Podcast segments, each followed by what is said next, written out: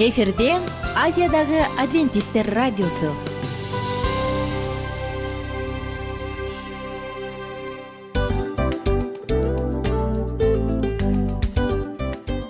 Достор салют. Баардык сүйүктүү угармандарыбызга салам айтабыз. Кутман күнүңүздөр менен. Ден соолук өмүрдүн булагы демекчи саламат саамы программасында баарыңыздарды көргөнүбүзгө абдан кубанычтабыз. Анда алгач амандашып өтөлү арбаңыздар деп. Ден соолугуңуздар кандай элибизде көбүнчө ден соолук кандай дегенде эле жакшы деп жооп беребиз э? ооруп турсак дагы жакшы дейбиз. Анан мен муну айтып ойлойт элем бул абдан сонун сөз депчи анткени бул жакшы деген үмүт да э ооба. баары жакшы болот баары сонун. Деп үмүттөнүп атып эле өзүбүздү өзүбүз дарылап коебуз. Анысы кандай сиздин дагы ден соолугуңуз жакшы беш деген үмүттөбүз чындыгында ден соолук бул өмүрдүн булагы деп бекеринен айтылган эмес деп ойлойм. Кыргыз элинде. Анткени эгерде ден соолук жок болсо анда адамдын жашоосунда калган баардык керектүү маңыздуу нерселер өзүнүн баалуулугун жоготуп коет. Ошондуктан ден соолук бул эң керектүү нерсе. Ооба туура айтасың кесиптешим. Чынында ден соолугуң жок бир эки үч күн ооруп калсаң эле э кандай болуп калат? Жашоодо көз каранды болуп каласың көп нерсеге жетишпей каласың көп нерсени кыла албай каласың. Жада калса эшикке дүкөнгө да чыга албай каласың. Туптуура анан ден соолук болсо демек биз биздин бактыбыз тоодой деп койсок болот. Анда достор саламат саамы рубрикабызды баштайлы. Алдыда өзүңүзгө керектүү болгон сонун кеңештерди уга аласыздар. Мына ошондуктан биз менен бирге болуңуздар. Ал эми биз болсо милан жана айнура. Кеттик алга. Алга саламат саама ден соолуктун жарчысы. Саламат саама ден соолуктун ачкычы. Күн сайын сиз үчүн мыкты кеңештер сонун жаңылыктар кызыктуу фактылар биздин рубрикада.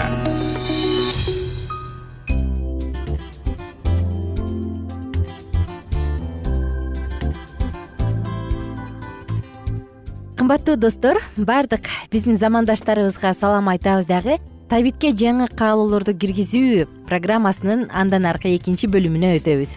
Достор бала чакта тамак ичкиң келбей атканда ай африкада балдар ачкалыктан өлүп атат деп айтып бергендерин көп эле уксак керек э? Анан мындай ачкалык деген сөздүн алдында бизде ушундай бир коркунуч пайда болчу. Эсиңизде болсо керек сизде деле болду беле мындай.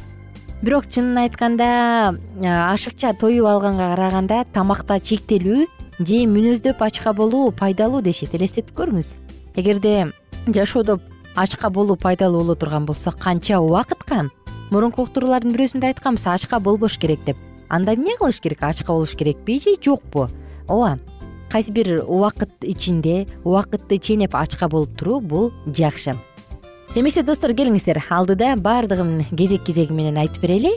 Сиз болсо биз менен бирге болуңуз бир кызыктуу байкоо жүргүзүлгөн. Баардык диндерде ислам иудаизм христианство же машаякчылык баардык диндерде өздөрүнүн баягы артынан ичиген адамдардын аң сезими таза болуш үчүн руханий жактан өсүшү үчүн аларга ачка болуу сунушталат. Же болбосо орозо деп коет эмеспизби мурунку уктуруулардан угуп туруп ай мурун эле айтып атпадыңар беле ачык болгон кезде мээге глюкоза жетпей калат деп анда кандай кылыш керек? Дешиңиз мүмкүн. Ооба көптөгөн адамдар ачкалыктан коркот бирок биздин организмде кырк беш күнгө жете тургандай запас бар. Тагыраак айтканда биз кырк беш күн тамаксыз жашай алабыз. Жана анын артынан эч кандай кесепет болбойт. Дал ушул жерден достор сөз кыла кетсек айласыздан ачка болуу жана аң сезимде атайын ачка болуп жок мен кандайдыр бир атайы методика менен саламаттыгымды чыңдайм деген ачка болуунун ортосунда айырма бар. Эми кеттик андан ары иштейли биринчи эле күнү ачка болгон кезде мээге глюкоза резервтерден глюкогендерден келет. Алар мурун булчуңдарда боордо бар болчу. Ал эми экинчи күндөн андан ары ачка боло баштаганда нейрондорго керектүү болгон глюкоза белок жана майлардан келет. Андан кийин структуралык белоктордон келет. Ошол эле учурда глюкоза мээге жетпей калбайт. Андан ары ачка боло баштаганда үч жумага чейин ачка болгондо кандын курамындагы глюкоза төмөндөйт. Бирок мээде керектүү боло турган глюкоза башка жерлерден келип турат. Экстремалдуу ситуацияда чоң адамдардын нейрондору башка энергиялардын булагын колдоно баштайт. Эми альтернативдүү булактарды айтсак бул кетанов тело деп коет. Денечелер же болбосо майлар жана сүт кислоталары. Мына ушул жерлерден ал өзүнө керектүү глюкозаны алып күйгүзүп жей берет эми достор келиңиздер. Конкреттүү түрдө сөз кылалы. Кыска убакыттуу ачка болуунун кандай пайдасы бар? Бул бир эки күн аралыгында. Мындай учурда кыска убакыттуу ачка болгондо мээнин иштеши жакшырат. Өзгөчө баягы ашыкча тоюп алган ашыкча салмактуу туура эмес тамактанган адамдарга өтө пайдалуу. Андан сырткары мындай убактылуу ачка болуу жаңы каалоолорду табитке киргизгенге жардам берет. Андан сырткары эрктин күчтүүлүгүн жана табитти башкаруу жана ушул сыяктуу эң жакшы пайдалуу адаттарды дагы өөрчүткөнгө жардам берет. Достор бирок убактылуу ачка болгонго караганда анда дагы жакшы нерсе бар. Кызык болуп калдыбы бул болгону гана туура рацион мында калория аз болушу керек жана каныккан майлар өтө эле аз болушканы жакшы. Албетте достор бул кыска убакыт ачка болгондон көрө жакшы. Бирок ашыкча салмак болуп жогоруда айтылган көйгөйлөр болсо анда кыска убакыт ачка болгон жакшы. Андан ары уланталы достор?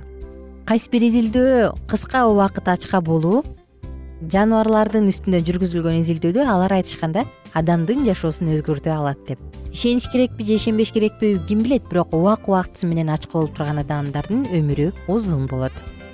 Эми эффект жөнүндө айталычы чындыгында ачка болуп турган учурда денедеги майлар денедеги керексиз нерселердин баардыгы жок болот дагы адамдын зат алмашуу процесси жакшырат.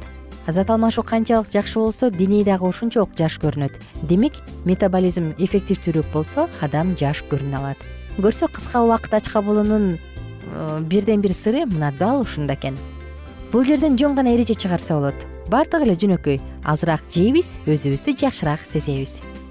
Андан ары улантсак достор көпчүлүк спортсмендер баягы соревнованиялардын алдында майларды күйгүзүш үчүн ачка болуп розо кармашат. Билесизби? Бул дагы ашыкча салмактан арылганга жардам берерин дагы бир жолу далилдейт. Эх айта турсак көп бирок кызыктуу маалыматтар өтө эле көп болуп тургандыктан кайсы бирин айтаарымды да билбей турам. Колдон келишинче маанилүүрүн айтканга аракет кылайын. Мисалы ачка болууда дагы иммундук система бир топ э, күчтүү боло түшөт. Эмне себептен? Анткени ал эркин радикалдарды жок кылат. Андан сырткары организмде керектүү боло турган ар кандай жаман организмге керексиз болгон ар кандай клеткаларды өзгөчө рак клеткаларын пайда болуусун жок кылып турат. Мына ушунусу менен ачка болуу пайдалуу. Байкасаңыз жаратылышта жаныбарлар ооруп калганда алар бир эки күн тамак ичпей эле сулкуюп жатып калат бул болсо биринчи инстинкт. Тагыраак айтканда организмге инфекция менен күрөшкөнгө өзү жардам берип атат. Жыйынтыгында эмне дейбиз достор? Ачка болуу бул соонун дагы бир жагымдуу бонусун айталы терини тазалайт. Ошол эле учурда тамак сиңирүү органдарын ар кандай керексиз заттардан арылтып ошол эле учурда зат алмашууну жакшыртат жана теринин өңүн жакшыртып тазалап коет. Организмди токсиндерден уулуу заттардан арылтат анын негизинде жалпы органдар боор бөйрөк дагы тазаланат. Достор биздин саатыбыздын соңку мүнөттөрү ачка болуп жаткан учурда организм энергияны башка оорулуу клеткаларды иштетип анан пайда кылат. А бул болсо сөзсүз түрдө шишиктерди залалдуу шишиктерди рак деп айтып коебуз. Дал ушундай залалдуу шишиктерди жок кылганга жардам берет. Мына ошондуктан каагаларыбыз достор кээде айтышат эмеспи. Ден соолугуңузга жеңиз деп. А биз айтат элек ден соолугуңузга ачка болуп туруңуз деп. Убак убагы менен колуңуздан келсе бир жумада бир жолу же бир айда бир эки күн ачка болуп коюп туруңуз. Бул сиздин ден соолугуңузду бекемдейт. Жалпыңыздарга кааларыбыз чың ден соолук үй бүлөңүздө эч ким оорубасын дайым уртуңуздан жылмаюу кетпесин. Кайрадан амандашканча саламат саама ден соолуктун жарчысы. Саламат саама ден соолуктун ачкычы. Күн сайын сиз үчүн мыкты кеңештер сонун жаңылыктар кызыктуу фактылар биздин рубрикада. Салют замандаштар баарыңыздарга ысык салам. Дил маек программабызга кош келиңиздер. Дил маек рубрикасы дегенде эле бул эмне болгон дил маек ким менен маектешебиз деп сурайт болуш керек угармандарыбыз бул рубриканы кыскача тааныштыра кете турган болсок ар тарап кесип ээлеринен болгон сонун интервью кеңештер бар. Ооба. жылдыздар менен болгон маек бар. Аталарыбыздын агаларыбыздын чоң аталарыбыздан сонун кеңештер бар.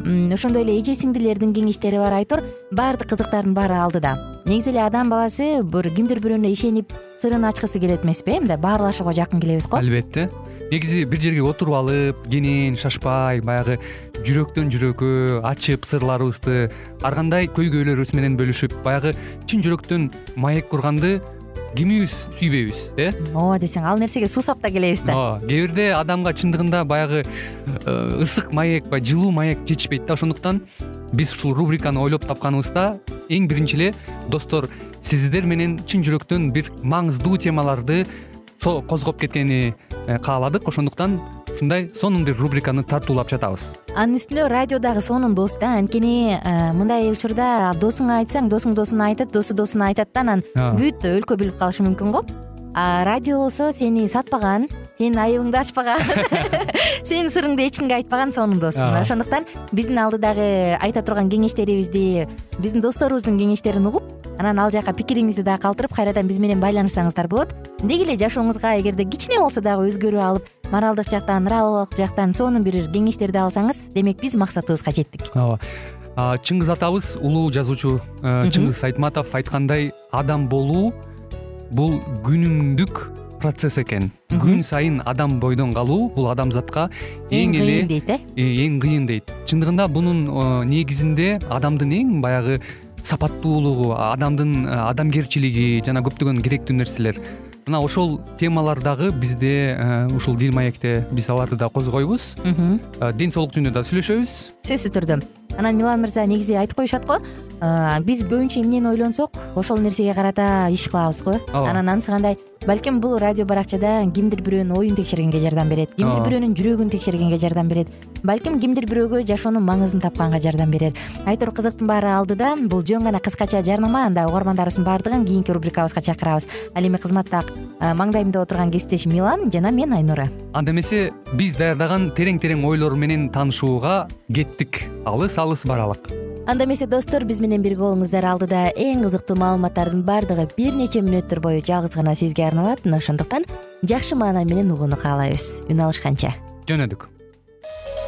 Ар түрдүү ардактуу кесип ээлеринен алтын сөздөр жүрөк ачышкан сыр чачышкан сонун маек дил маек рубрикасында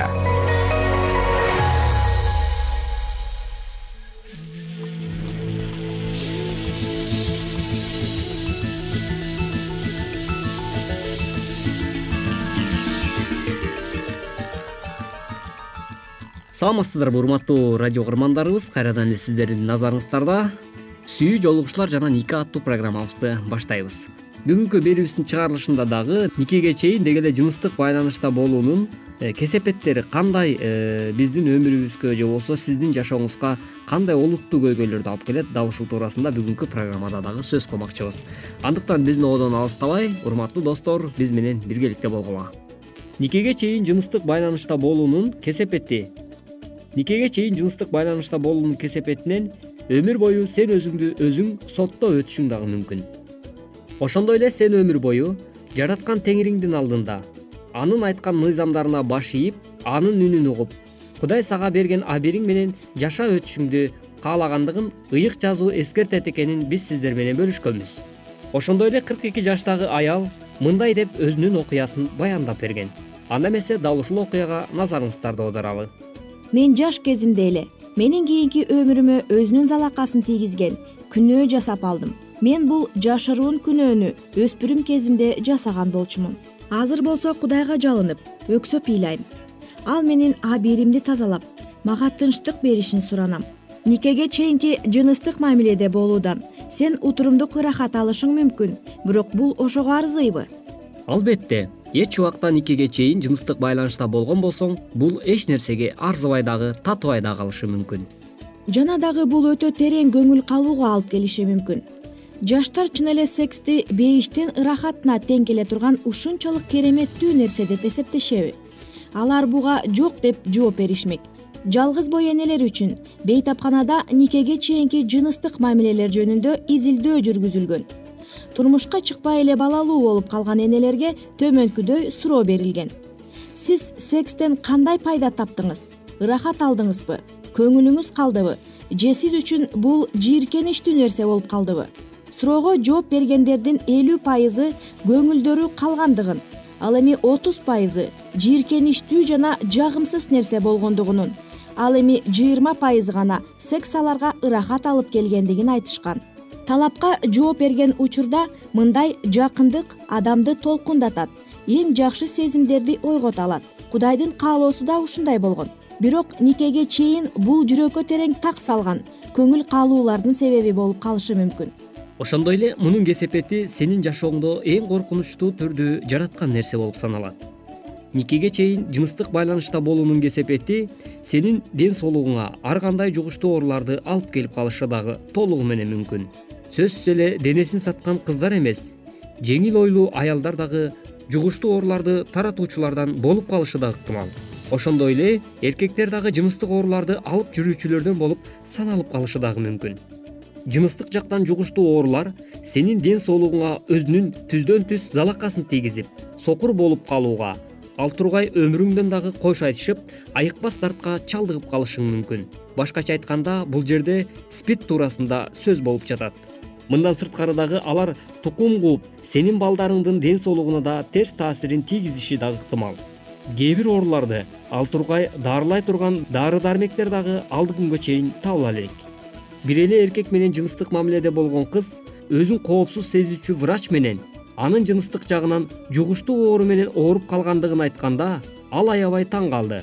Оорунун себептерин изилдей келгенде тиги эркек дагы башка аялдар менен жыныстык мамиледе болгондугу аныкталган. Ал аялдан болсо андан башка дагы эркек менен байланышта болгондугу дагы тастыкталган. Алар дагы он тогуз аял менен байланышта болушкан. Алардын ичинде дагы денесин саткан кыздар бар экени дагы аныкталган ошентип эле бир адам бир нече адам менен байланышта болгондугу аныкталып чыкты. Жок дегенде эле ошондо жалпы жонунан бир адам токсон тогуз адам менен байланышта болгон деген диагноз койсок болот. Демек мунун өкүнүчтүү жана олуттуу жагдайлары бар. Никеге чейинки жыныстык мамилелер жаш кыздын тагдырына балта чабышы мүмкүн? Никеге чейин жыныстык мамиледе болгон жаштар өзүлөрүнө мындай суроо бериши керек? Менин боюмда болуп калса мен эмне кылам жалгыз бой энелердин бейтапканасына барган бир киши мындай дептир. Келечекте өзүн эмне күтүп тургандыгын билбей чыныгы сүйүүнүн даамын татып бактылуу болууну эңсеген жаш кыздын көздөрүндөгү аргасыздыкты эч качан унута албайм дептир. Ушундай абалга туш болгон келин андан ары эмне кылышын билбейт ал боюнан алдырып салуудан башка арга таппай кыйынчылыктан чыгуунун эң жеңил жолу ушул деп ойлошу мүмкүн. Бирок ал жаңылышып жатат. Бул анын жан дүйнөсүнө өтө терең из калтыргандыктан өмүр бою өзүн өзү айыптап өтүшү мүмкүн. Төмөнкү катта ушуга окшош окуя баяндалат. Бир миң тогуз жүз сексен экинчи жылдын июнь айында менин боюмда бүтүп калгандыгын билдим. Менин жашым он сегизде болчу. Жаңы эле колледжди бүтүп сүйлөшкөн жигитим экөөбүз тең аборт жасатууну чечтик. Себеби ата энелерибиздин алдында жооп берүүдөн корктук. Ошентип биз жеңил жолду тандап алдык. Боюмдан алдыргандан кийин менин ички дүйнөм талкаланып кылган ишим үчүн ушунчалык өкүнгөндүктөн көз жаш төгүп жүрдүм. Бүгүнкү күнгө чейин бул тууралуу эстегим да келбейт. Кудайдын алдында да тизе бүгүп ал мага ырайым кылып менин жаңылыштыгым үчүн кечирим сурайм теңир мага дагы бир жолу мүмкүнчүлүк бериш үчүн мен болгон күчүмдү жумшап жатам. Мен кудайга чын дилимден ишенем. Ал боорукер жана ырайымдуу экенин билем. Бирок баары бир өзүмдү өзүм айыптай берем. Кээде мурдагы жашоомдун айынан теңир мени таштап кеткендей сезилет. Көңүлүм чөгөт. Кудай мени кечиреби ал мени кечирерине ишенем бирок мен жасаган күнөөлөрдүн канчалык жийиркеничтүү экендигин кеч болсо да түшүнүп жатам. Өмүр бою өзүн өзү соттоп өтүү туура эмес экендигин айта кетмекчибиз. Кымбаттуу угармандарыбыз бүгүнкү программабыздын чыгарылышында сиздер дал ушул никеге чейин жыныстык байланышта болуунун олуттуу кесепеттери жана анын натыйжасы күнөө болуп саналат экени туурасында дагы бүгүнкү берүүбүздө уга алдыңыздар бүгүнкү уктурууга назар салганыңыздар үчүн чоң рахмат. Эмки берүүдөн кайрадан эле биз сиздер менен сүйүү жолугушуу жана нике аттуу берүүбүздөн кезиккенче аман болуңуздар. Ар түрдүү ардактуу кесип ээлеринен алтын сөздөр жүрөк ачышкан сыр чачышкан сонун маек дил маек рубрикасында.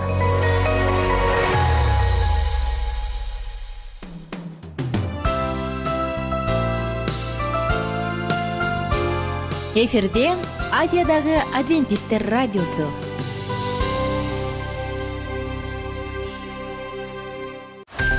Жан дүйнөңдү байыткан жүрөгүңдү азыктанткан жашооңо маңыз тартуулаган жан азык рубрикасы.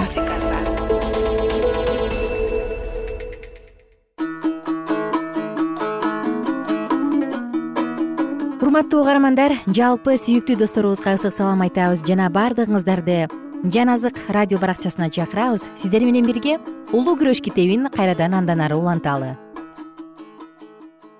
бүт дүйнөлүк бийлик орнотуу үчүн чечкиндүү жана каардуу күрөш жана даярдык жүрүп протестантизмдин баардык жеткен ийгиликтерин талкалоо үчүн аракеттенүүдө. Католиктердин кыймылы баардык фронтту басып келе жатат. Анын чиркөөлөрүнүн өсүшүн жана протестант мамлекеттериндеги сакчыларына көңүл буруп карап көрсөңөр америкада анын колледждери жана окуу жайлары протестанттардын колдоосу менен даңазаланып жогору көтөрүлүүдө.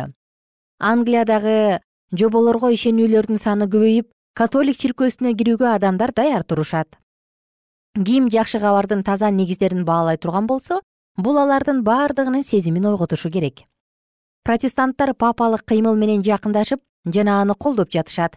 Алар барып жатышкан келишимдер жана жол берүүлөр жада калса папанын жактоочуларын дагы таң калтырып эмне болуп жаткандыгын алар дагы түшүнө алышпайт.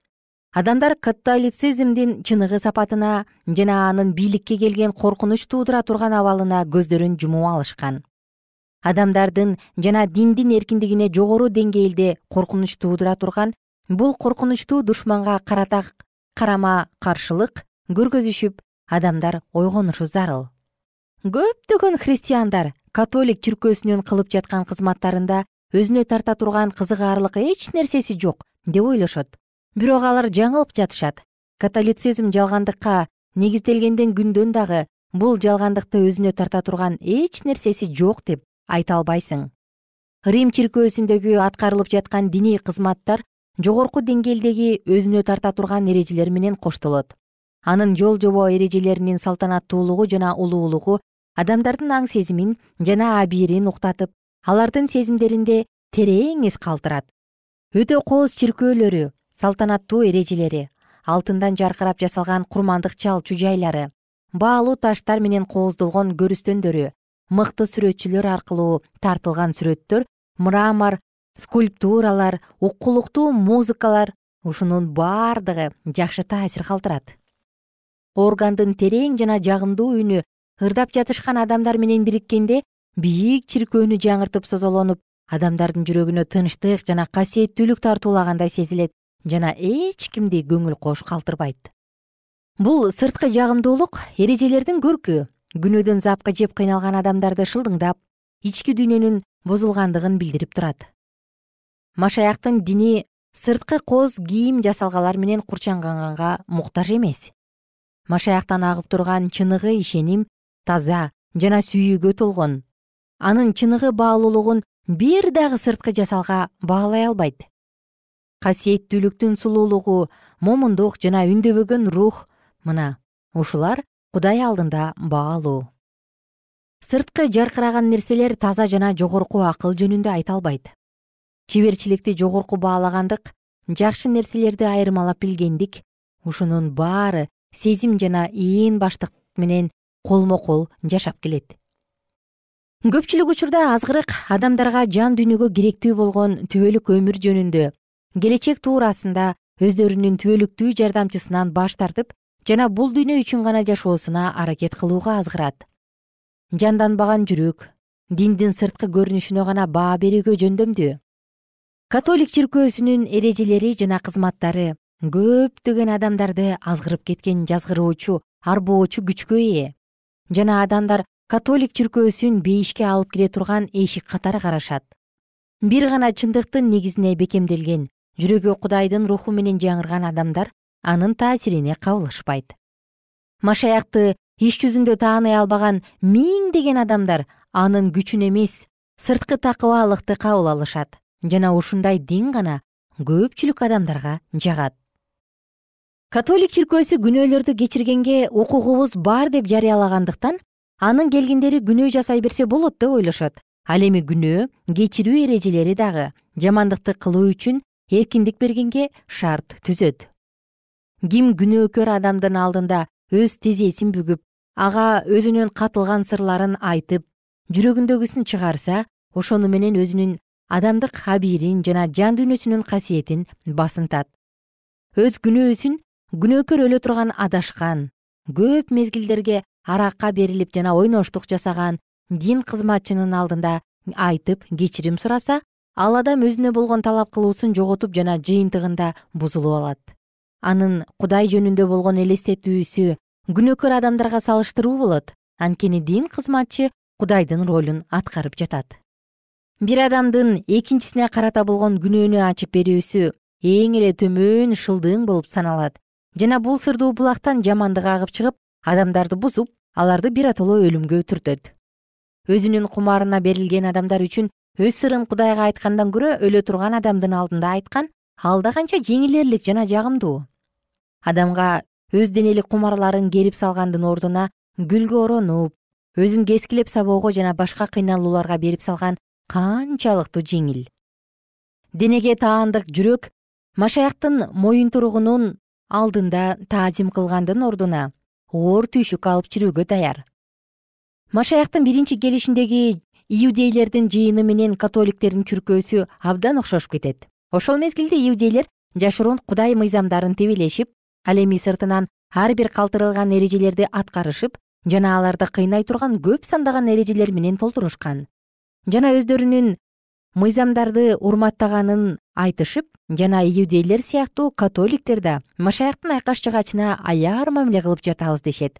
Алар машаяктын азап чеккен символдорун көтөрүшүп ошол эле мезгилде өз жашоолору менен ал жыгачка асылгандын өзүнөн баш тартышат.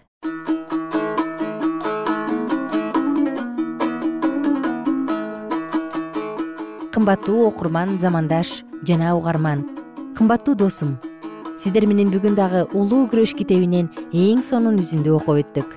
Окурман дегенибиздин себеби сиздер менен бирге биз улуу чындыктарды бирге окуп жана угуп жатабыз. Баарыңыздар менен кайрадан амандашканча сак саламатта туруңуздар. Бүгүнкү күнүңүздөр сонун маанайда улана берсин. Жаратканыбыз жалпыңыздарды алкыштасын